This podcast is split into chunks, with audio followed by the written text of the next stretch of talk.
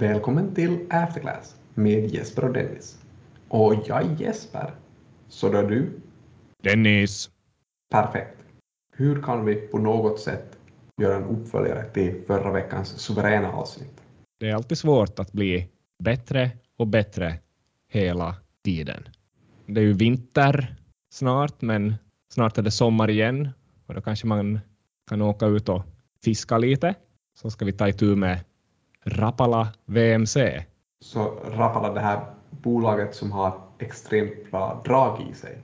Exakt. Just de här fiskedragen då. Det är krokar, jiggar och, och allt möjligt. Och vad hade du tänkt ta upp kring Rapala? Det bara en sån sak. Om vi går tillbaka till första mars 2020 så ser jag att kursen låg där kring 2,70. Vet du något annat som hände där första i tredje? 2020 var det ungefär då som den här coronakrisen startade. Det kan man väl kanske säga, att de här lägsta nivåerna sågs väl under mars månad, de facto på börser världen om. Men den första i tredje började också en man vid namn Nikolas Henrik Cederström Warszalovski som VD för Rapala.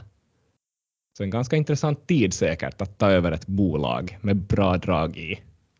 Ja, så då startade han som VD och är det det du vill komma till att han nu har slutat som VD? Jo, jag tänkte berätta just det. Att det kom en nyhet denna vecka att uh, Nikolas ska få gå från Rapala. Men jag tänkte samtidigt att man skulle lite jämföra vad han åstadkommit. Ja, man kunde ju fundera kring vad han har åstadkommit genom att titta på aktiekursutvecklingen under hans tid som VD. Mm, det skulle väl vara en bra idé. Som sagt då, börja från 2,70. Sen var det väl ganska corona-boostade siffror 2021. Att det var många som skulle ut och fiska. Då det inte fanns så mycket annat att göra. Så vi såg nivåer över 10 euro 2021, sommaren. Nu säger jag att vi är tillbaks på lite över 5 euro. Så kan man säga att eh, från hans början till hans slut så är det 100 procent avkastning. Och det här då att han får kicken, han får gå, det är då alltså tacken. Han har skapat mycket värde, känns det som. Ja, åtminstone eh, om man tänker att det här som man ser i aktiekursutvecklingen är värde som man skapar. Man kunde ju ta kanske och titta också i tillägg på aktiekursen också på de här faktiska vinsterna som Rapala har rapporterat under hans tid som VD. Det kan ju vara så att aktiekursen har gått upp mest på förhoppningen om att den här coronakrisen är bra för just fiskebolagen. Så. Men vi kan ju se kanske från vinsterna på om det verkligen var bra för det här fiskebolaget Rapala. Som jag tittar lite här, 2019, alltså året före corona, krisen startade, så gjorde Rapala en vinst på 4,2 miljoner. Eh, det här första coronaåret, 2020, så gjorde Rapala en vinst på 3,4 miljoner. Så där ser man ännu inte att den här coronakrisen skulle ha haft en positiv effekt för Rapala. Men han tog ju över först i mars och kanske det var lite turbulent i början. Så hur gick det året efter, 2021, då kursen var uppe i 10 euro? Det där ser vi faktiskt att Rapala just under 2021 gjorde en vinst på 19,8 miljoner euro. Så det är ju nästan fyra eller fem gånger upp från de här tidigare vinsterna.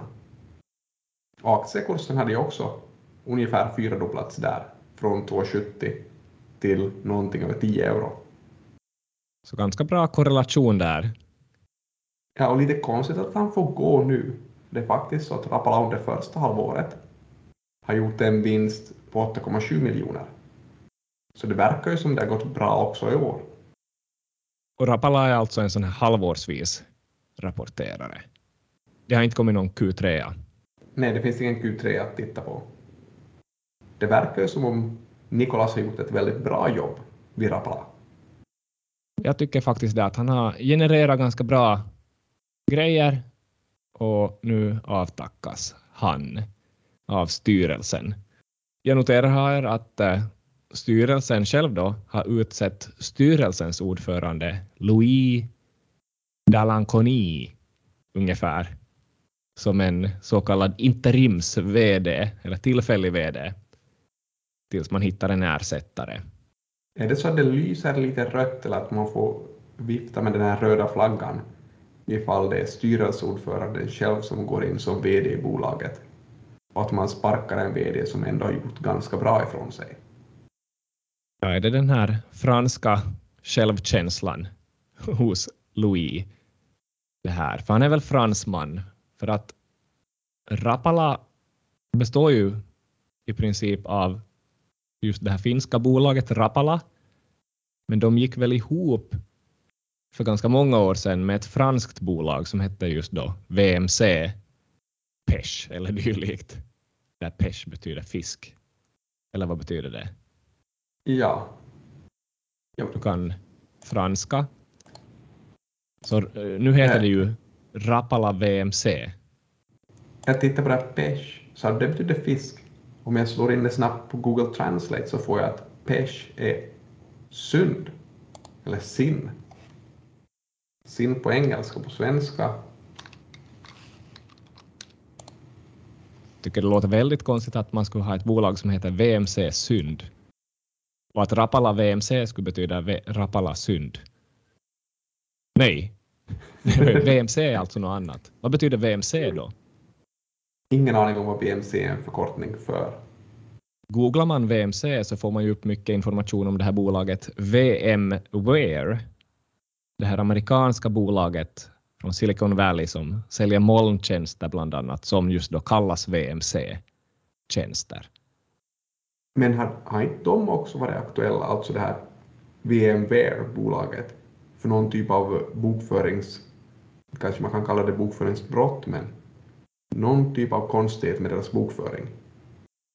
Jo, absolut, och kanske det är någonting som vi kunde också diskutera kort här, för det är väl lite sånt som vi brukar ta itu med, reda ut oegentligheter och så vidare.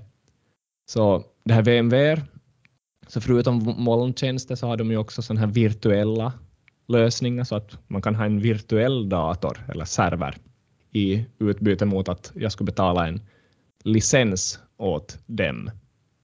Och det var väl just så här då att i höstas så anklagades VMware av den här amerikanska finansinspektionen SEC för att ha vilselett investerare. Och då undrar vi förstås varför trodde SEC att de hade vilselett investerarna?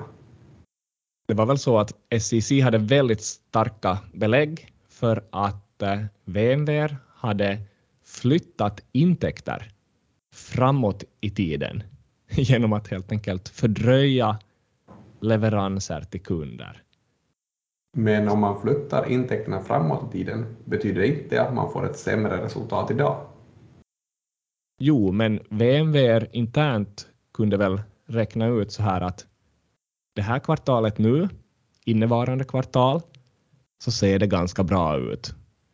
Men de hade sina egna prognoser som sa att nästa kvartal kommer att bli riktigt dåligt och sen kvartalet efter det kommer att bli ännu sämre.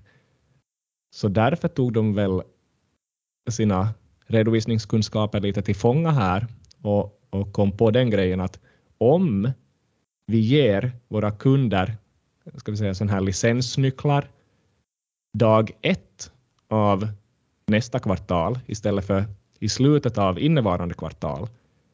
Så då är det också i linje med redovisningsreglerna att man intäktsför de här licensintäkterna först nästa kvartal. Och genom att göra det kunde man då också slå analytikernas förväntningar om försäljningsintäkter nästa kvartal och innevarande kvartal. Ja, men om man inte skulle ha gjort det här så då skulle man ha slagit analytikernas förväntningar väldigt mycket innevarande kvartal. Är det så? Ja, och det skulle väl vara onödigt bra resultat då. Så det här är väl någonting som man skulle kunna kalla sån här cookie jar accounting. JAR, så det här Journal of Accounting Research, eller vad är det här? Mer sån där, vad kallas det, en kaklåda, En kakburk? en kakburk. Så att om jag i ett företag vet att jag har en massa kakor och kex eh, i bolaget och jag vet att jag kommer att få besök nästa kvartal av folk som vill äta av de här kakorna. Så då är det ju onödigt att jag har, har dem att ligga framme den här månaden så att folk som är sugna på dem äter upp dem det här kvartalet istället för att jag lägger dem i min kakburk och så bjuder jag på dem nästa kvartal. Mm, jag förstår. Men är det här det vanliga sättet att man så styr resultatet? Alltså att man får resultatet att se sämre ut idag för att man ska kunna visa på bättre resultat i framtiden. En motsats skulle väl vara att man försöker få resultatet att se så bra ut idag på bekostnad av resultatet nästa kvartal. Känns inte det som den här vanliga? Att man är lite kortsiktig, att man vill att det ska bli bra idag och sen så tänker man att framtiden det reder ut sig på något sätt ändå sen.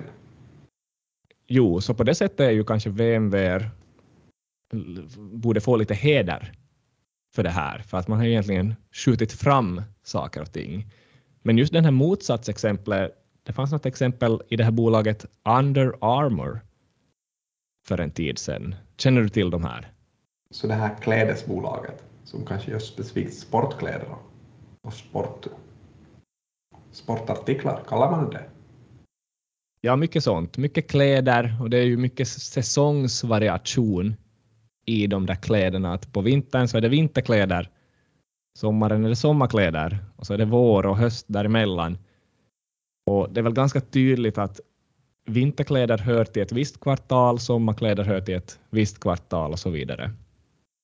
Men hur ska man hoppa mellan de här kvartalen då, om det är så specifikt att vinterkläder säljs bara på vintern? Så det som Under Armour, så de blev också anklagade av SEC för att ha vilselett investerare. Så de hade gjort på följande sätt att man hade intäktsfört, ska vi säga, kvartal fyras försäljning i kvartal tre och sen intäktsfört kvartal etts försäljning i kvartal fyra och så vidare. Och sen börjar man liksom bara inför, intäktsföra snabbare och snabbare saker och ting. Jag måste kolla lite här. Så i VMwares fall så intäktsförde man för sent, men man ändrar ju också på tidpunkten när man gav de här nycklarna till kunderna. Som andra Armor gör på motsatt sätt, att man intäktsför för tidigt. Har man gjort någonting med den här verkliga verksamheten också? Till exempel att man sänder varorna till kunderna tidigare. Eller hur har det här fungerat? Det är väl mer med det här att i den här klädesbranschen så har man kanske vetskap om sin vinterförsäljning redan under hösten för att man har den här orderinformationen. Så säg det här att XXL beställer vinterkollektioner från Under Armour redan på hösten eller sommaren så vad Under Armour började göra då är just det här att ta den här orderinformationen och säga att det är försäljning redan under hösten slash sommaren. Och då blir det ju som svårt, om man gör det här då ett år, så går det ju inte riktigt att jämföra försäljningen i ett kvartal med försäljningen i kvartalet året före. Så det blir som att jämföra äpplen med päron, eller vad säger man? Och det är att vilseleda investerare. För ofta blev ju då försäljningen högre än vad den borde ha varit. Det känns som att Andra Armors fall är definitivt någonting som SEC borde ha tagit en titt på. Och de hade ju gjort det. Och eh, under Armour och SEC kom till någon slags eh, sån här settlement. Och Under Armour lovade att sluta och i gengäld betalade de 9 miljoner i böter. Jag menar, slutet gott, allting gott i den historien. Men hur blev det då med det här VMware som vi pratade om? För i deras fall så kändes det som att det inte var helt klart, åtminstone för mig, att de hade gjort någonting fel. Men SEC var ju också på dem. Så i det fallet så sa VMV att vi är varken oskyldiga eller, eller skyldiga, men let's make a deal. Så det blev en sån där settlement där också. Så det, det blev som Harvey Specter säger i, i den här tv-serien Suits. Never go to court, always settle. Man är väl någon slags skyldig då ändå om man är beredd att betala, som i det här fallet, 8 miljoner i böter till SEC för att få ett slut på spekulationerna. Men det är väl också så att 9 miljoner för Under Armour eller 8 miljoner för VMware är inte stora, så stora saker. Eftersom om man tittar på VMwares marknadsvärde så är det 50 miljarder. Du har nog mycket rätt. Och eh, man kan väl också tänka att advokater såsom Harvey Specter fick ungefär 8 miljoner för det här också. Så att man strör lite pengar runt sig.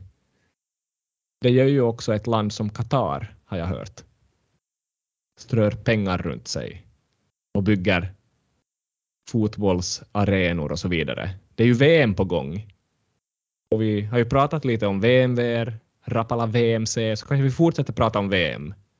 Det börjar väl på söndag? På söndag kör det igång. Känns som att man inte ännu riktigt har kommit in i den här fotbolls-VM-stämningen. Eftersom att försnacket hade ju inte varit så mycket om de här själva lagen, eller landslagen som är med, utan det mesta av snacket, eller diskussionen har varit kring hur Qatar har betett sig mot de här arbetarna som har byggt upp fotbollsarenorna. Ja, det är lite korruption, dåliga arbetsmiljöer, tvångsarbete och så vidare som har varit, varit på temat. Så är det det som vi ska prata om till, till slut här eller? Ja, så det är ju media snackat om. Men vi försöker hitta vår egen vinkel. Och vi tänkte kanske fånga upp en annan viktig effekt av fotbolls-VM. Och det är den här effekten på barnafödandet. Ja, så den effekten pratar väl inte så många om ännu. Nej, förutom oss riktiga forskare. För vi har ju sett den här artikeln av Fumarco och Principe 2021 i den här tidskriften EL. Eller L. Eller EL. Så det är Economic Letters, en sån här kortare tidskrift. Det är mer som brev, ekonomiska brev. Just på det sättet är det. Och där kan man kanske publicera resultat eller artiklar som är lite mer intensiva också. Så korta och intensiva. Så vad säger Fumarco och Principe?